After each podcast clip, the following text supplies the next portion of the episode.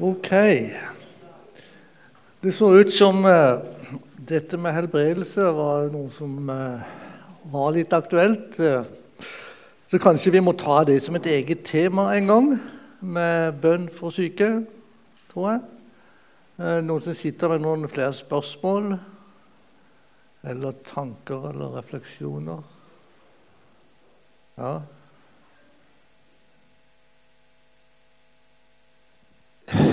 Nei, det er klart det er, det er, ikke enkelt, som var sagt her bak. Det, det kan være vanskelig. Eh, jeg tenker jo det at eh, Når det gjelder helbredelse, som også en del andre nådegaver som går mer på under, er under samme Jeg ja, må ses på på samme måte som du ser også på Jesu under, som du var inne på litt tidligere, at det er tegn.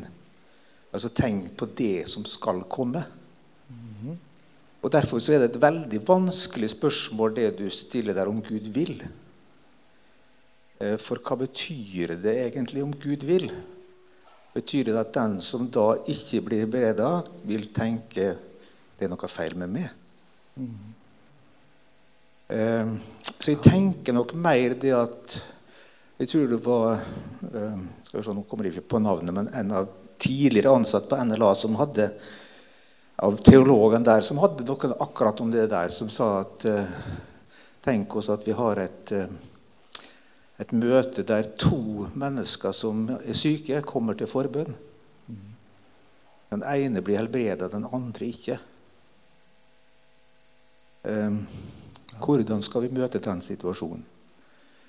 Og da var det at han la det i det at helbredelse og andre under er et tegn på det fullkomne Guds rike vi alle sammen skal oppleve en gang. Ja. Og Derfor så kan den som ikke ble helbreda, glede seg over den som ble helbreda, og se fram mot at en dag skal han også bli helbreda fullt ut i Guds rike. Det syns jeg var en måte å tenke på som løste det for min del, i alle fall, en sånn vanskelig situasjon. et sånt vanskelig spørsmål. Ja. Amen. Det, det var sant.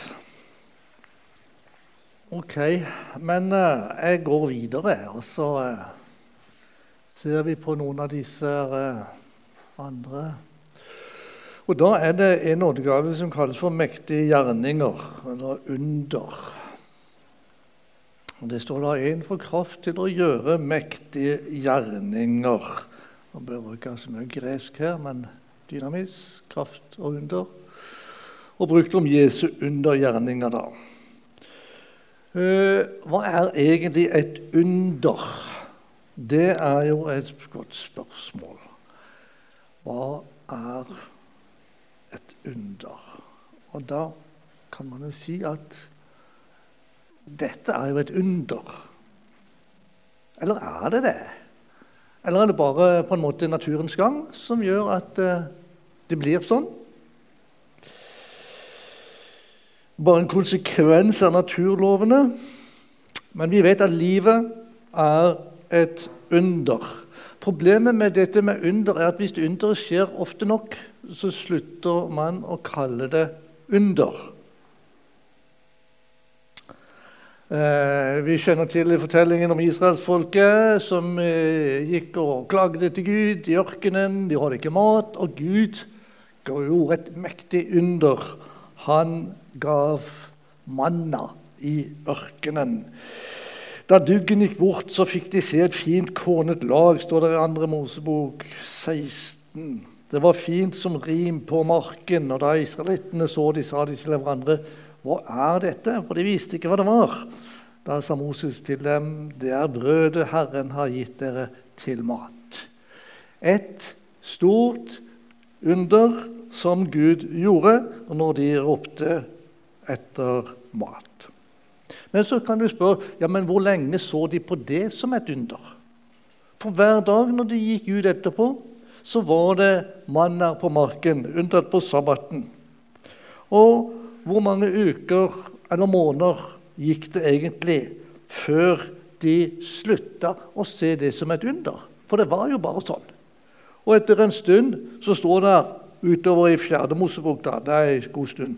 Vi minnes fisken vi spiste i Egypt, som vi fikk for ingenting. Vi minnes agurkene, melonene, og purrene, rødløken og hvitløken. Nå svir det i brystet, for vi mangler alt. Vi ser ikke annet enn manna. Manna lignet korianderfrø også ut som bedola-kva. Da var det ikke så mye under, altså. Da var det bare manna.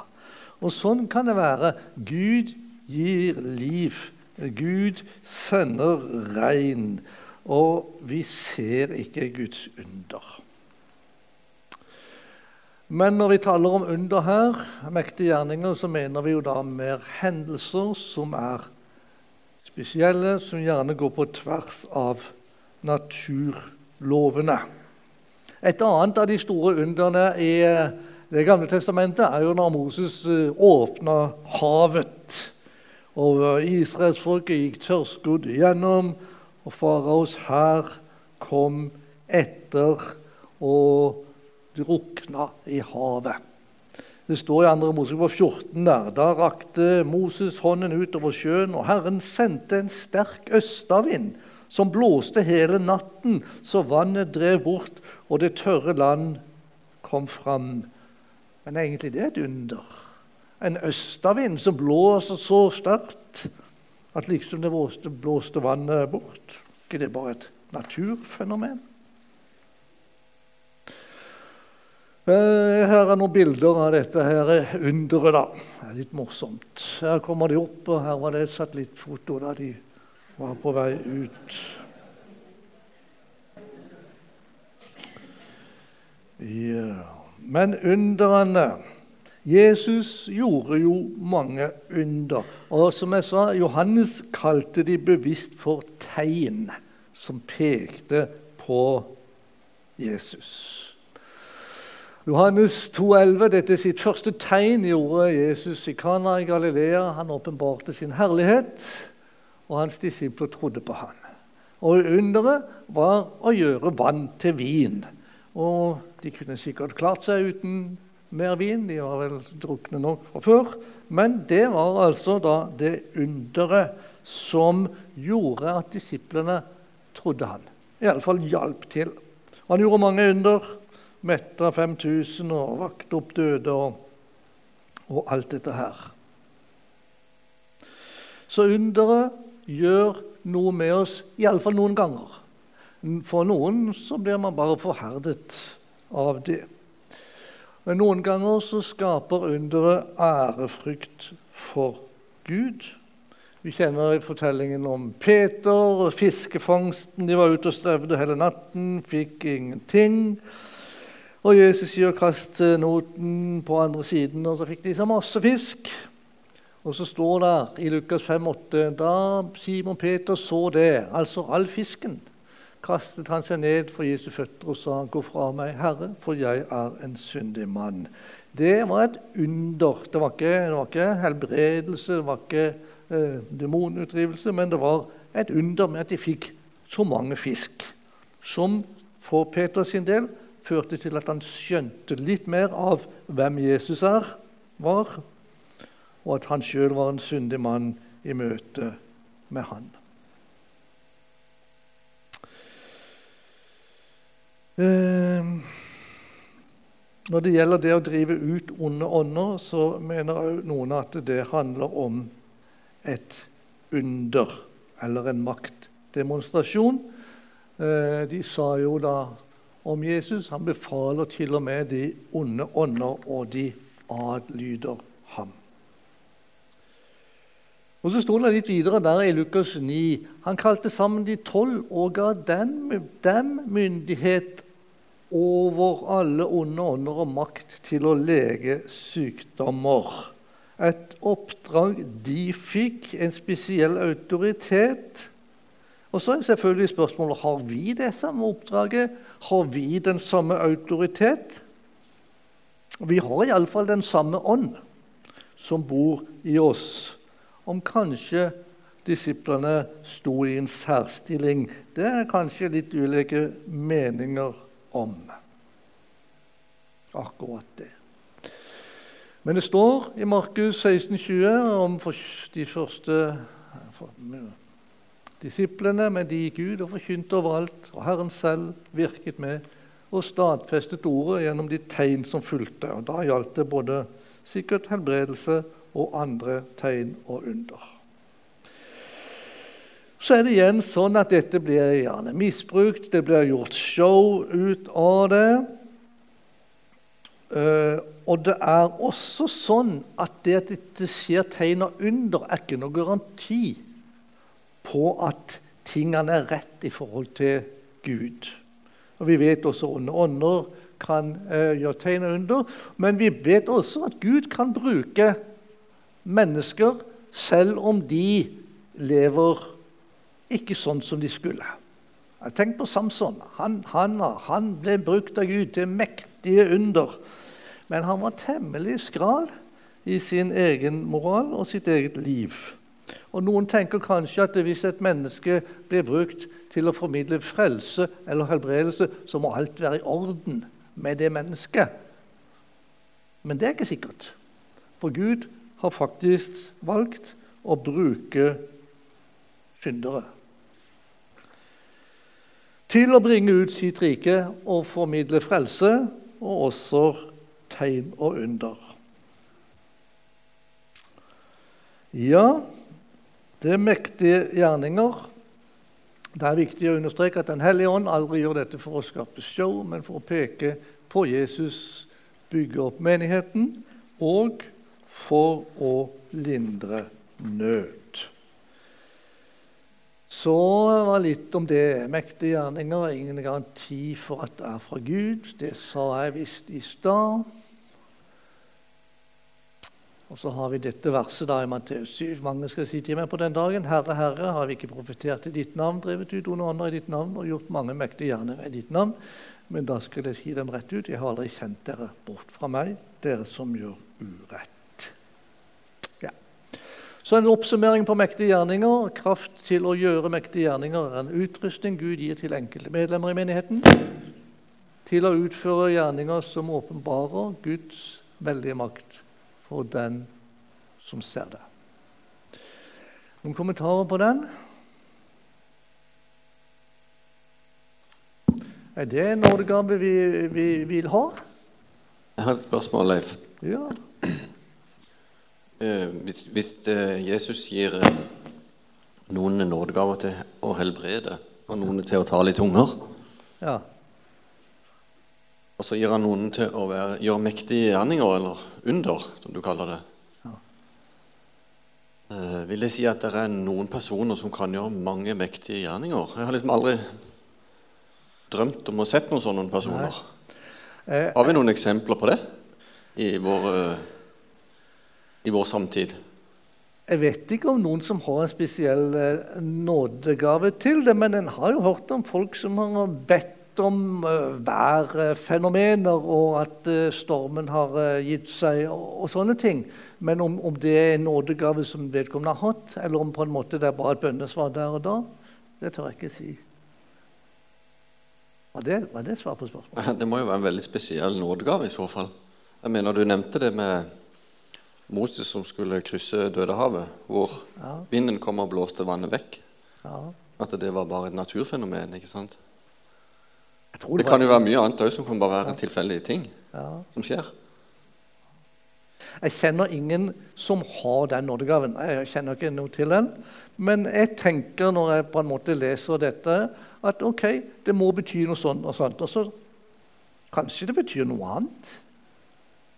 Det er derfor det er litt gøy å prate her om noen legger noe annet i disse begrepene. For det betyr jo et eller annet. Men hva er det egentlig betyr? Nådegave til å gjøre under. Jeg har bare lyst til å spille videre på det. for det, ja. det er klart Vi snakker om mektige gjerninger her, men, men, eh, det er litt mer nærliggende å si at det, det skjer et under. ikke sant? Hvis det er noe som krasjer med bilen, og det går veldig dårlig men vedkommende som satt i bilen, han overlevde mot alle odds. Så ja. sier vi at det er et under. Ja. Det er litt forskjellig eh, ordbruk på disse tingene. Vi sier det er et under, men er, var det så noen som hadde en nådegave her? Mm. Da blir det litt, litt vanskeligere. Mm. Nei, Jeg, har ikke noe godt svar på det. Noen andre som må ha noen tanker om det.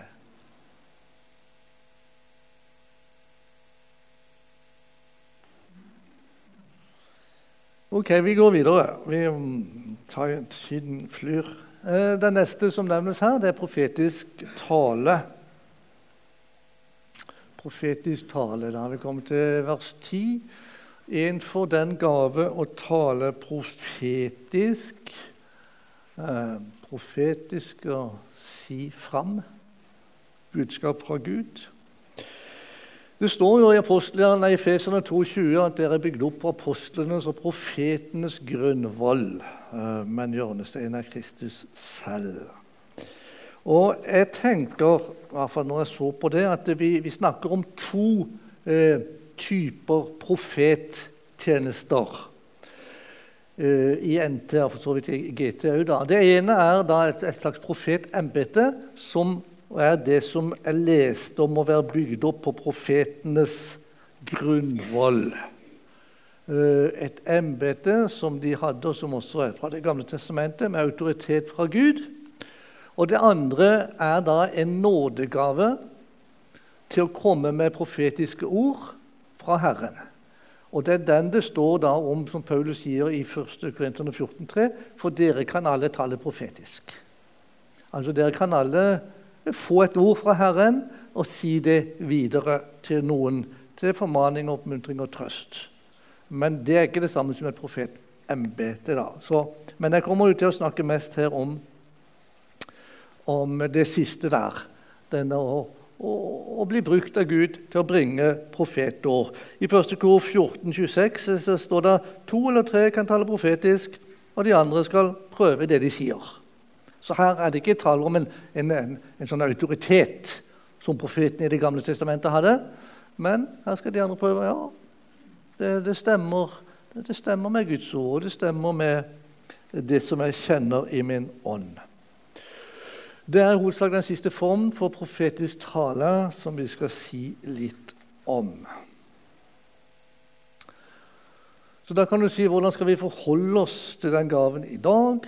Er den for oss? Altså dere her som sitter her, kan alle tale profetisk? Skal vi søke å få den? Skal vi prøve å praktisere den? Ja, det står i 1. Korinterne 14,1.: Jag etter kjærligheten, streb etter åndsgavene, mest etter å tale profetisk. Eh, og det tenker jeg, det, handler om dette. Det handler om et lydhørt øre for Guds minnelser og eh, vilje og mot til å dele det som vi tror Gud minner oss om. Så jeg tenker dette er for alle kristne. Og Paulus sier faktisk at eh, Strev etter nådegavene. Å strebe det er liksom å være på hugget og, og, prøve å søke. Og mest etter dette å tale profetisk. Det står jo i Joels bok kapittel 3 disse kjente ordene om en gang skal det skje at jeg utøser min ånd over alle mennesker. Deres døtre, sønner og døtre skal tale profetord. De gamle blant dere skal ha drømmer, og de unge skal ha syner. Selv over treller og trellkvinner vil jeg utøse min ånd i de dager. Og de dager tenker jeg, det er i våre dager. Det er vel fra pinsedag og utover. Så hvordan kommer denne profetiske gaven eller tjenesten til uttrykk? Der sier Paulus i 1. Korinterne 14,3.: Men den som taler profetisk, taler for mennesker til oppbyggelse, formaning og trøst. Og så skal det prøves. Og så skal det virke til oppbyggelse, formaning og til trøst. Så kan man prøve det på det. Det kan også avsløre synd i menneskers liv. Og Så sier eh, eh, Paulus dette her i 1. kor 14. der. Hvis en av disse altså, fremmede kommer inn, og alle taler profetisk i menigheten da vil han kjenne seg avslørt og dømt av alle. Hans innerste tanker kommer for dagen. Han vil falle ned med ansiktet mot jorden, tilbe Gud og bekjenne Gud er sannelig blant dere. Det har jeg aldri opplevd, men hvis det var på en måte mange som talte profetisk i en forsamling, så vil kanskje dette skje, som Paulus beskriver. Eh, Jesus var jo også profet, eh, og den profetiske tale aktualiserer Guds ord inn i situasjonen og rammer samvittigheten. Bildet her er jo Jesus som taler med kvinnen ved brønnen og sier til han, 'Gå og hent din mann', og hun sier, 'Jeg ser at du er en profet'. Eh, hun skjønte det det han sa, at han var en profet. Ikke akkurat på det å gå og hente en mann, men at han kjente ord. Og så er det sånn at profetiske budskap det kan også gjelde framtiden. Og der er det jo litt mer vanskelig. Det står om eh, apostelgjerningene 11 om Agabus. En av dem som het Agabus, sto fram og varslet ved ånden at en stor hungersnød skulle ramme hele verden. Og det var den som kom under keiser Claudius. Kommer litt tilbake til det, men det er viktig at profetiske budskap skal prøves. Eh, vi sa jo i stad at eh, noen kan komme med budskap, og de andre skal prøve om det er fra Gud. Og man skal selvfølgelig være forsiktig når man bærer fram et profetisk budskap. Og da taler jeg bare om det som skjer i forsamlingen. At man ikke liksom så sier så sier Herren, du skal reise til Nord-Norge. Men at man kan si at eh, jeg er blitt minnet om jeg har fått en tanke, og så må den enkelte selv prøve om dette stemmer. Og da, eh, da, skal det prøves. ikke sant? For det første stemmer dette overens med Bibelen. Harmonerer det med Bibelens lære? Du kan si Profetien behøver ikke være noe som står i Bibelen, men det skal ikke gå imot Bibelens ord. Det andre er forherliger det Jesus, opphøyer han som sann Gud og sant menneske. Hvis det ikke så må det irettesettes. Budskapet skal prøves på fruktene. Skaper det frykt, uro, splittelse, forvirring? Eller skaper det tro, håp, mot? Og så er det også et spørsmål om samsvarer det med ånden i meg. Og Da er vi jo inne på den eh, nådegaven til å prøve andre, som vi kommer til. Uh, om, det på en måte jeg kjenner i min ånd at dette er Gud, eller jeg kjenner i min ånd at dette er ikke rett. Og det siste, når, når det handler om framtiden, så er det jo en prøvestein da om det skjer slik som profeten har sagt. Eller den som har vært fram profetisk budskap. da. Nå har det jo vært uh, en del sånne profeter som har kommet til Norge i hvert fall for noen år siden. Jeg har jo vært med litt i oasesammenhengen. Der var det en god del. Og så kan man spørre var dette fra Gud, eller var det for noe? Og eh, Det er langt ifra alt som har eh, gått i oppfyllelse. Men noen av disse som taler om en vekkelse som skal komme over landet, de sier også dersom Guds vår folk vender om og søker Gud og ber, så skal det skje. Og Da slår det jo litt tilbake på oss da, at Gjør vi egentlig det? Eh, er det derfor ikke det skjer? Fordi at ikke vi har omvendt oss og søkt Gud og bedt? Kan det hende at disse folkene faktisk fikk det ordet fra Gud, og at det var til oss? Yes, Det var profetisk tale. Å tale profetisk i dag betyr å si fram for mennesker et budskap fra Gud på Skriftens grunn med Kristi fullmakt og under inspirasjon av Den hellige ånd. Dette har jeg henta fra den boka til Oddvar Søvik, så det er ikke vi som har komponert det.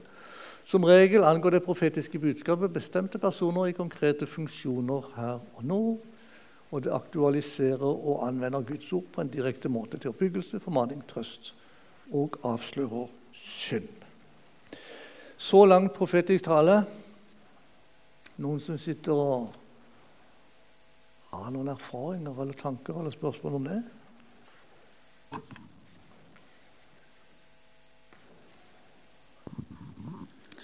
Jeg fikk lov å være i Etiopia noen år, på den norske skolen.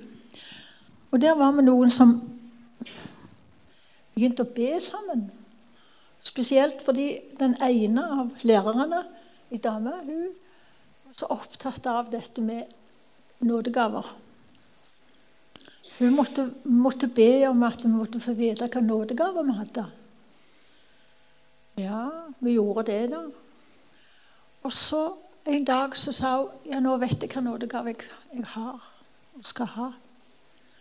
Hva er det? Jeg hadde satt langt inne for at hun kunne si det. Jeg skal tale profetisk. Å,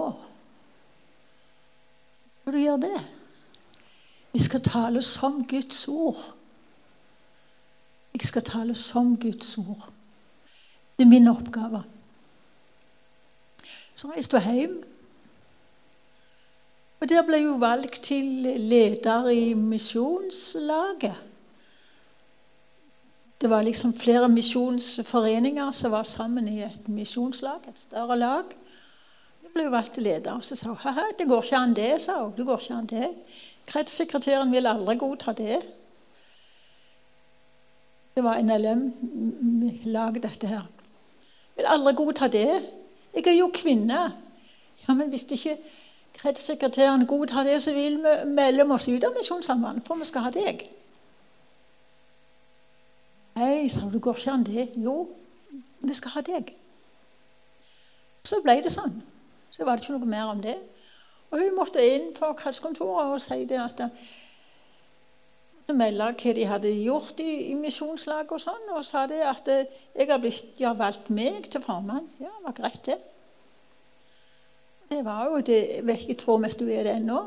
Jeg er ikke sikker på det, men det ble det. Men hun hadde denne oppgaven tale profetisk. Det tror jeg hun har gjort i den misjonssammenhengen hun har vært i. Og En stund så var det det at eh, de hadde masse barnelag og mange aktiviteter. og hver, En gang i uka eller en gang hver 14 dager så var de samla. Og de hadde mange oppgaver forskjellige. Men hun hadde bibelskoler. 54. 6. klasse. Bibelskoler. I årevis. Jeg vet ikke om hun har det nå, altså. Men jeg syns det var godt å møte en person som sa det. Jeg skal tale profetisk. Og stått ved det. Og jeg står ved det fra dag i dag. Det var ekte. Det er ekte. Takk. Det er noen som spør altså, er det å tale profetisk det samme som å forkynne fra Bibelen. Taler jeg profetisk nå, f.eks.? Jeg tenker at det er ikke det samme. Men jeg tenker at i en forkynnelse så kan det være profetisk. I den grad man får det Du bør ikke få det akkurat der og da, selvfølgelig, du kan ha fått det i forberedelsen, men det er noe Gud vil si gjennom deg til noen konkrete der og da. Mens eh, generelt så tenker jeg, men der kan man godt være uenig, at uh, all undervisning, forkynnelse, ikke nødvendigvis er profetisk. Provoserte jeg noen nå?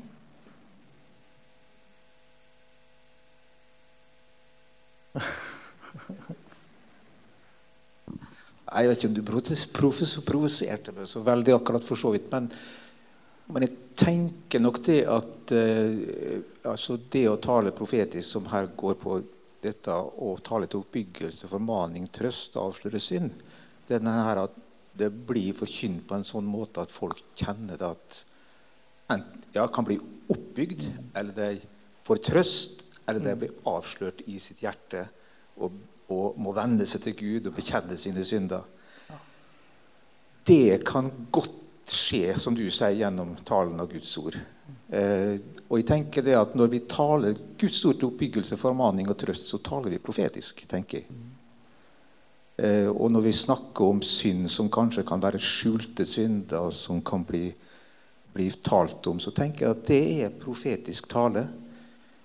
Eh, det betyr ikke at det også kan skje profetisk tale utenom akkurat når du står og forkynner Guds ord. Det kan være noen som får et mint om et, en sak og reises og har et vitnesbyrd som virker profetisk. Mm. Til oppbyggelse, formaning og trøst. Ja.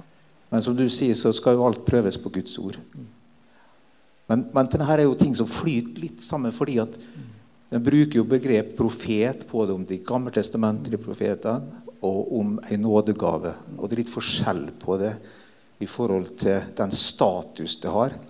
Fordi at profetene gav oss jo profetiske skriftene, som er en del av Guds ord. Likedan som apostlene ga oss Det nye testamentet, som er en del av Guds ord. Som, det, som vi ikke skal prøve, men vi skal prøve alt det andre på. Ja, ja jeg er med på det. Ja, Vi kjører videre. Nå går tida fort. Skal vi se. Da var vi kommet til nådegave til å prøve ånder. En annen får altså denne gaven å bedømme åndsåpenbaringer. Det er eh, jo sånn at det er mange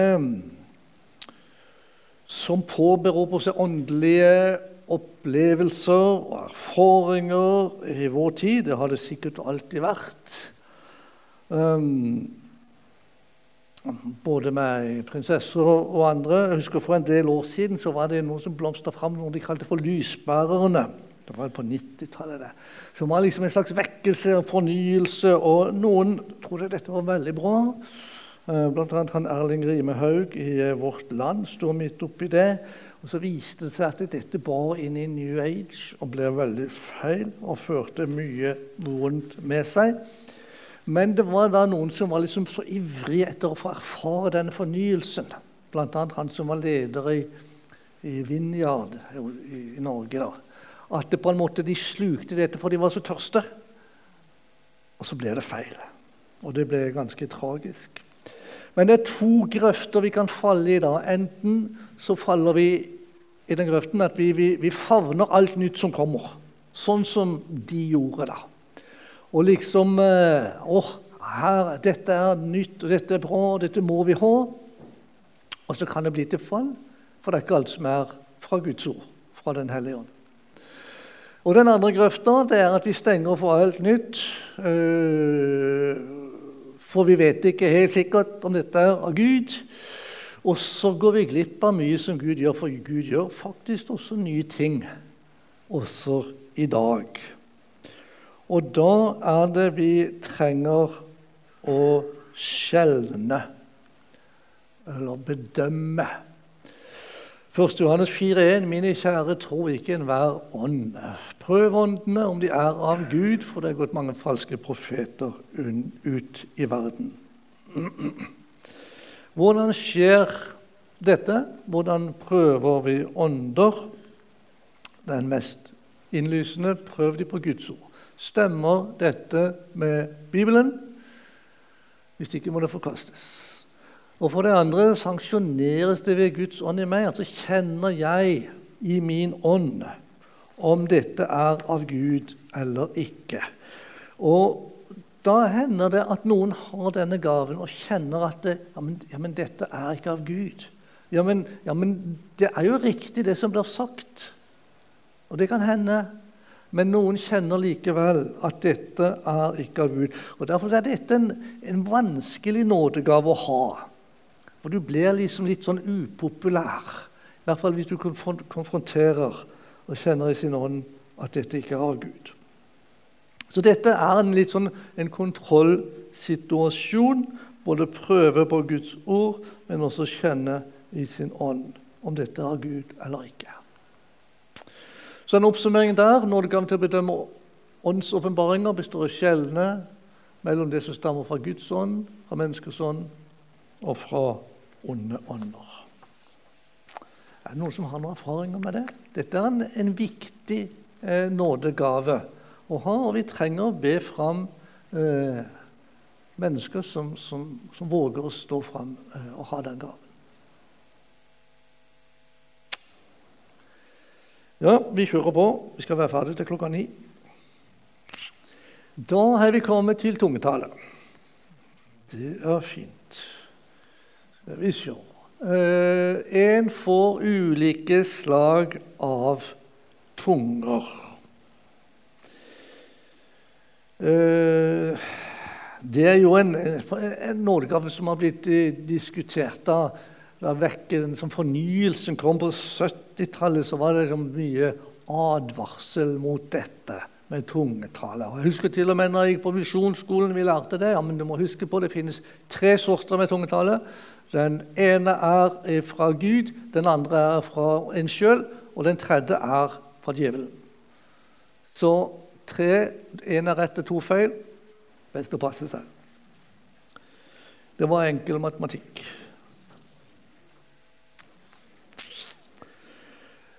Um, ja, den leste jeg jo til å begynne med, da. Når vi kommer sammen. Så det står liksom forklart ja, hvordan er det når vi kommer sammen, brødre eller søstre. Jo, da, da har en en, en salme, en en lære, en åpenbaring. En har en tungtale, det hører med. Og en har en tydning, og det hører med. Og så skal alt virke til å bygge opp. Så det er en god ting. Det er sikkert. Uh, nå uh, var det Det står ulike slag av tungetale. Uh, og det må jo bety at det er ulike slag. Og jeg tenker tre typer, sånn som jeg da skal dele det inn. Det første er den som vi møter på pinsedag, når de var samlet en stor mengde. Og så er det folk fra hele det på en måte området omkring Israel. Partere og medere og folk fra Mesopotamia, Judea og Kappadokia og hele denne raden. Nord-Afrika og, og, og, nordover. Og så begynner da disiplene å tale evangeliet på disse språkene som de sannsynligvis ikke kunne. Men de fikk det der og da. Og tilhørerne skjønte det. Da var det kanskje litt sånn høreunder òg, for det er klart hvis en hel haug med folk snakker på en gang, så er det ikke så lett å skjelne. Men i alle fall så skjedde det at alle disse folkene hørte evangeliet talt på sitt eget språk. Og den formen for tungetale eh, fins i dag. Og jeg har hørt eksempler på det. At folk har eh, kommet på et møte. Der har kanskje vært noen mennesker fra et annet land. Og så er det en som har reist seg fram et budskap i tunger, og så hører den det forkynt på sitt eget språk, kanskje sin egen dialekt til og med. Og det er fantastisk.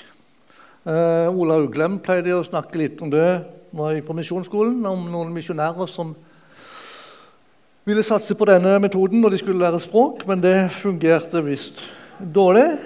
Iallfall gjorde det det for oss. Og vi måtte pent pugge hver glose. Men Gud kan gjøre det, og jeg er sikker på at det skjer i dag. Det andre formen for tungetale det er den til bruk i menigheten.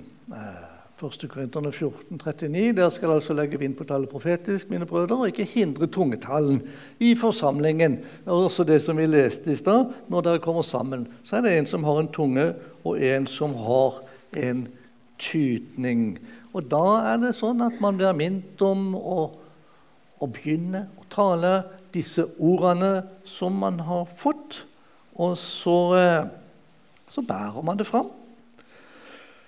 Um, ja. Ikke for mange. To eller tre. En som skal tyde i forsamlingen. Så det bør bruke formane så nøye om her. Jeg vet ikke om Frank har satt noen begrensninger der, men uh, vi kan begynne med to eller tre. Og så har vi den tredje formen, som da er det som jeg kaller for et bønnespråk. Uh, Paulus sier det i 1. Korinterne 14, 18. Jeg takker Gud, jeg taler mer i tunger enn noen av dere, altså de folkene i Korinta. Men når menigheten er samlet, vil jeg heller si fem ord med forstanden og lære andre enn tale tusenvis av ord med tunger. Og Da tenker jeg, ja, ja, hvor gjorde du det da, Paulus? Hvis ikke du gjorde det i møtesammenheng? Ja, Han gjorde det kanskje når han gikk på veien, han reiste med skip. Og, og så gikk han kanskje og, og brukte dette bønnespråket sitt. Ganske mye mer enn de folkene der i Korint, som jo eh, brukte det mye. Hva er hensikten med tungetale? Vel, det står i 1. kor 14,4.: Den som taler i tunger, oppbygger seg selv. Eh, da er det tale om, om bønnespråk. Og eh, det er jo ikke så dumt å oppbygge seg selv. Når vi har møter, så er det liksom en hensikt med det. Det er jo i hvert fall en viktig hensikt at vi skal bli oppbygd. Og her så står det den som taler i tunger, oppbygger seg selv.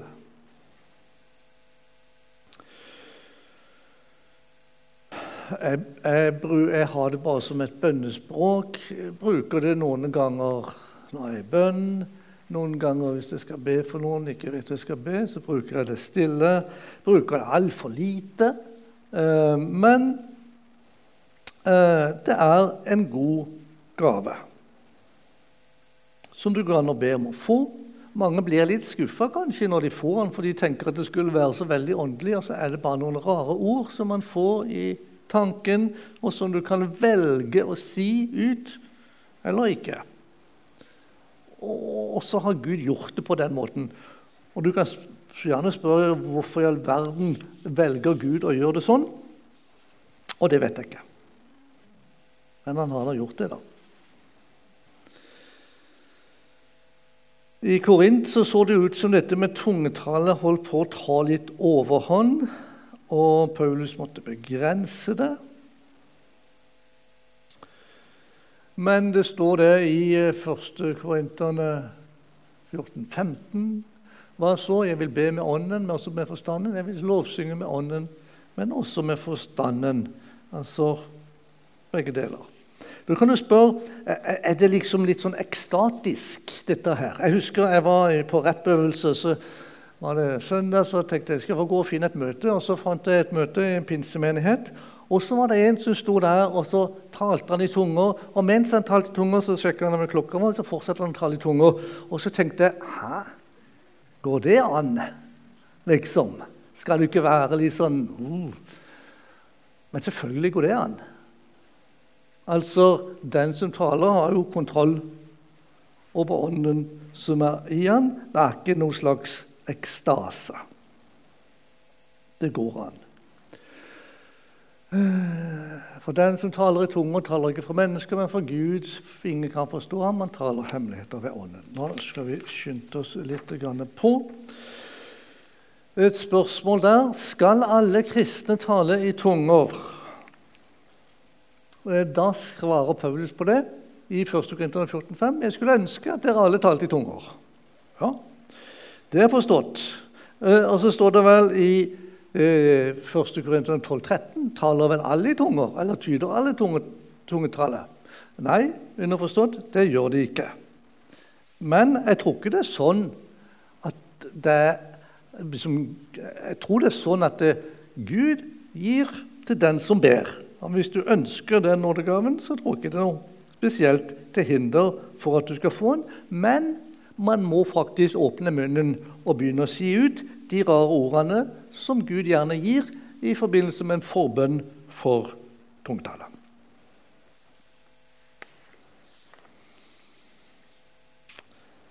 Ja Så dette har jeg litt erfaring med. sånn Fra jeg var yngre, gikk på misjonsskolen og var hjemme her. Og så var vi på et sted noe som heter Shalom ungdomsgruppe. Der hadde vi besøk av noen folk på ungdom i oppdrag, og de skulle ha tungetaleskole.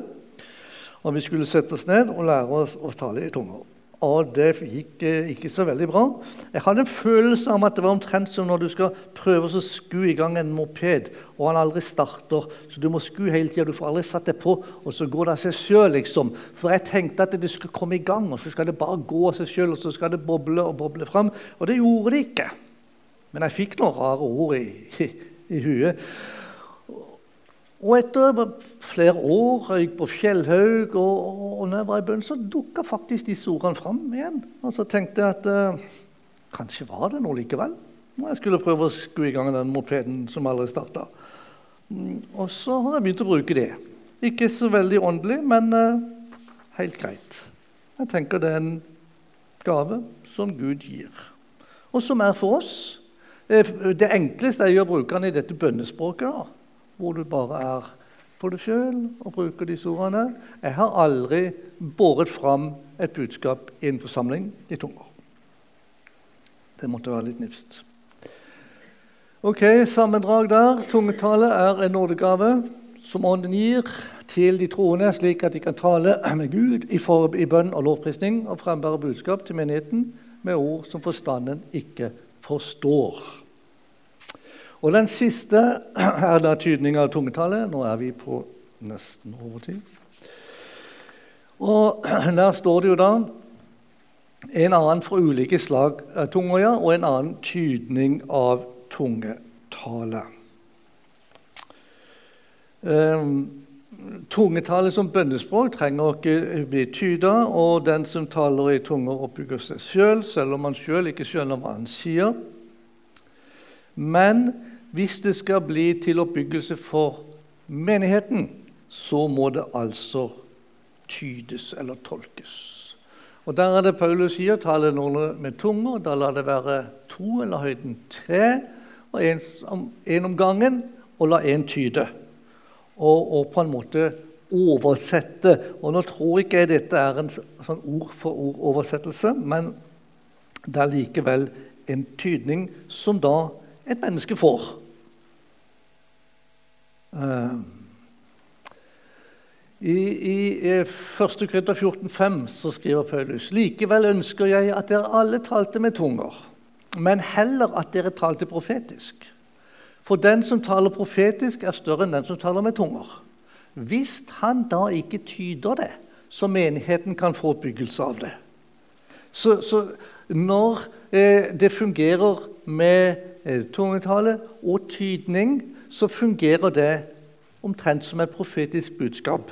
Hvor Gud taler gjennom mennesker. Bare denne gangen går det gjennom to ledd, og så ut til forsamlingen. Til formaning, oppbyggelse og trøst eller det Gud vil si. Jeg husker Etter alfakurset jeg hadde borte i Lyngdal, eh, så var det en eldre mann eldre dame som var med liksom, i, i, i veilederteamet der. og når vi satt og ba det sånn før jeg skulle begynne, så hadde ofte jeg tror det var hun som hadde et budskap i tunger, og så kom han med en tydning. Og Det var liksom sånn rett inn i vår situasjon, noe Gud ville minne oss på akkurat der.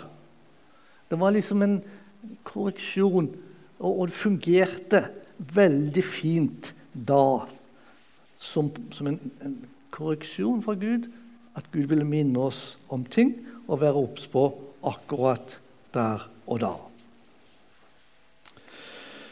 Det er jo en litt nifs gave. Jeg er ofte litt sånn redd hvis jeg å møte noen har en tungtaller og hjelp. Jeg håper ikke jeg får tydning. Eh, og så var det jo en gang, da Det har jeg kanskje fortalt før. Jeg var i misjonssalen i Oslo med, med, litt sånn viktige folk, generalsekretæren og sånt. Og så var det en det var enda Ole Kristian Sameien som bar fram et budskap i tunger. Og Det var jo sporty gjort. Da spurte de er det noen som har tydning. Og så kjente jeg bare hjertet banka sånn skikkelig. Og så fikk jeg halv setning. Jeg husker ikke hva det var. Og så jeg 'Hjelp, jeg har fått tydningen'. Og så gikk jeg fram mikrofon, så sa jeg den halve setningen, og så fikk jeg ikke noe mer. Og jeg tenkte i all verden, Gud, hvorfor ikke? Og det vet jeg fortsatt ikke hvorfor, men jeg er glad for at jeg gikk fram for Hvis ikke så hadde jeg ergra meg resten av livet på at jeg ikke gjorde det. Men, men, det er altså en måte kanskje, kanskje, var det nok. Kanskje var, var det den halve setningen som skulle fram. Jeg vet ikke. Men det er gjerne sånn at Gud da gir tydning til noen andre. Nå er det og noen ganger sånn at man er liksom litt redd for ja, men Tenk hvis jeg kommer med en tunge, og så er det ingen som tyder. Da gjør vi jo noe galt. Ja, for så vidt. Det, det, gjør vi jo kanskje også når det står Hva så når dere kommer sammen, brødre? Og så er det en som har en eh, salme, og en som har en tunge. Og Da kunne vi tenke det samme. Ja, men det er ingen som har en tunge her. Da gjør vi jo noe galt. Og Jeg tror ikke vi skal være så redd for om ikke noen har tydning. Iallfall er det ikke vår skyld. Kanskje gir Gud tydning til noen, øh, men ikke de våger å gå fram. Ja Nå må vi stoppe. Oppsummering. Tydning av tunger er en tolkning Den hellige ånd gir av budskapet i tunger. Tolkningen kan gis i form av bilde, total forståelse av innholdet eller ord for ord. Yes, det var det jeg hadde. Nå er jeg jo akkurat ni. Er det noen som har noen uh, spørsmål om dette?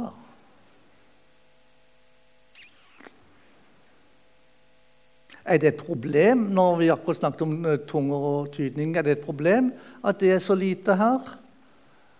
Uh, jeg sier ikke at det ikke er det, men, men ikke så veldig mye. Eller er det helt greit?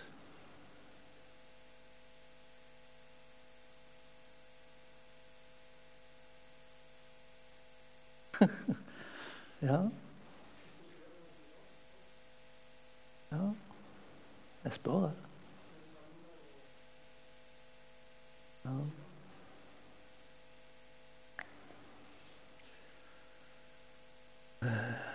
ja En mangel. Ja, jeg tror faktisk vi går glipp av noe. For, men altså, det er så mye annet som er bra. Så, men, og det, ikke, det, er ikke sånn at ting blir liksom plutselig så bra hvis bare det fungerer. Det tror jeg ikke, men det står nå der i Guds ord, da.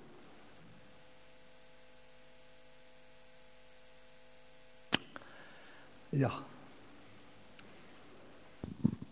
Ja, da har jeg tatt ordet litt for mange ganger, kanskje. Men, men eh, jeg må si det at eh, jeg skulle gjerne hatt mer av alle nådegavene. For det er jo noe som Bibelen taler om, og som som bare er bra hvis det er til stede. Også tungetale og tydning av tungetale.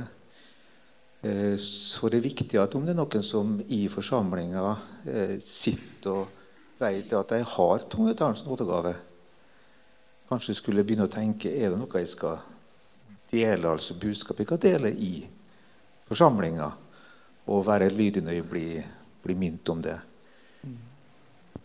Det som Eh, altså, og Jeg tror ikke heller det er noe galt om det at det kommer en tungetale, og så er det ikke tydning. Men jeg tror vi skal besinne oss på å prøve å legge til rette for at også det kommer en tydning. Så, så det kan ofte også være sånn at, som du i, i eh, eksempelet fra Lyngdal visste om hverandre. Ikke sant? Så det, kunne, det kan være noen vet om hverandre, at noen har tydning. Eh, for min del har jeg brukt det litt i noen møter som vi har leda.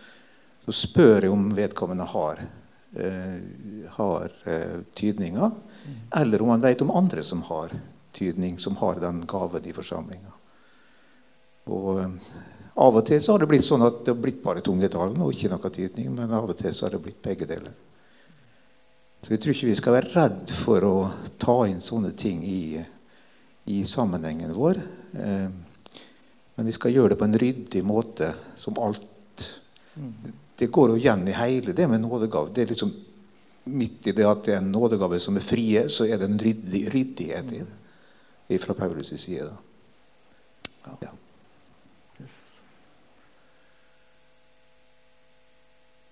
Ok, men da eh, tror jeg vi sier det var nok for i dag. Så eh, fortsetter vi altså neste onsdag. Eh, muligens at jeg skal få lagd en slags nådegavetest med sånne kryssa greier. Eh, og dele ut av hvis den er tilgjengelig på det. Men eh, iallfall så blir det noe mer om nådegaver da. Så da er dere velkommen tilbake igjen.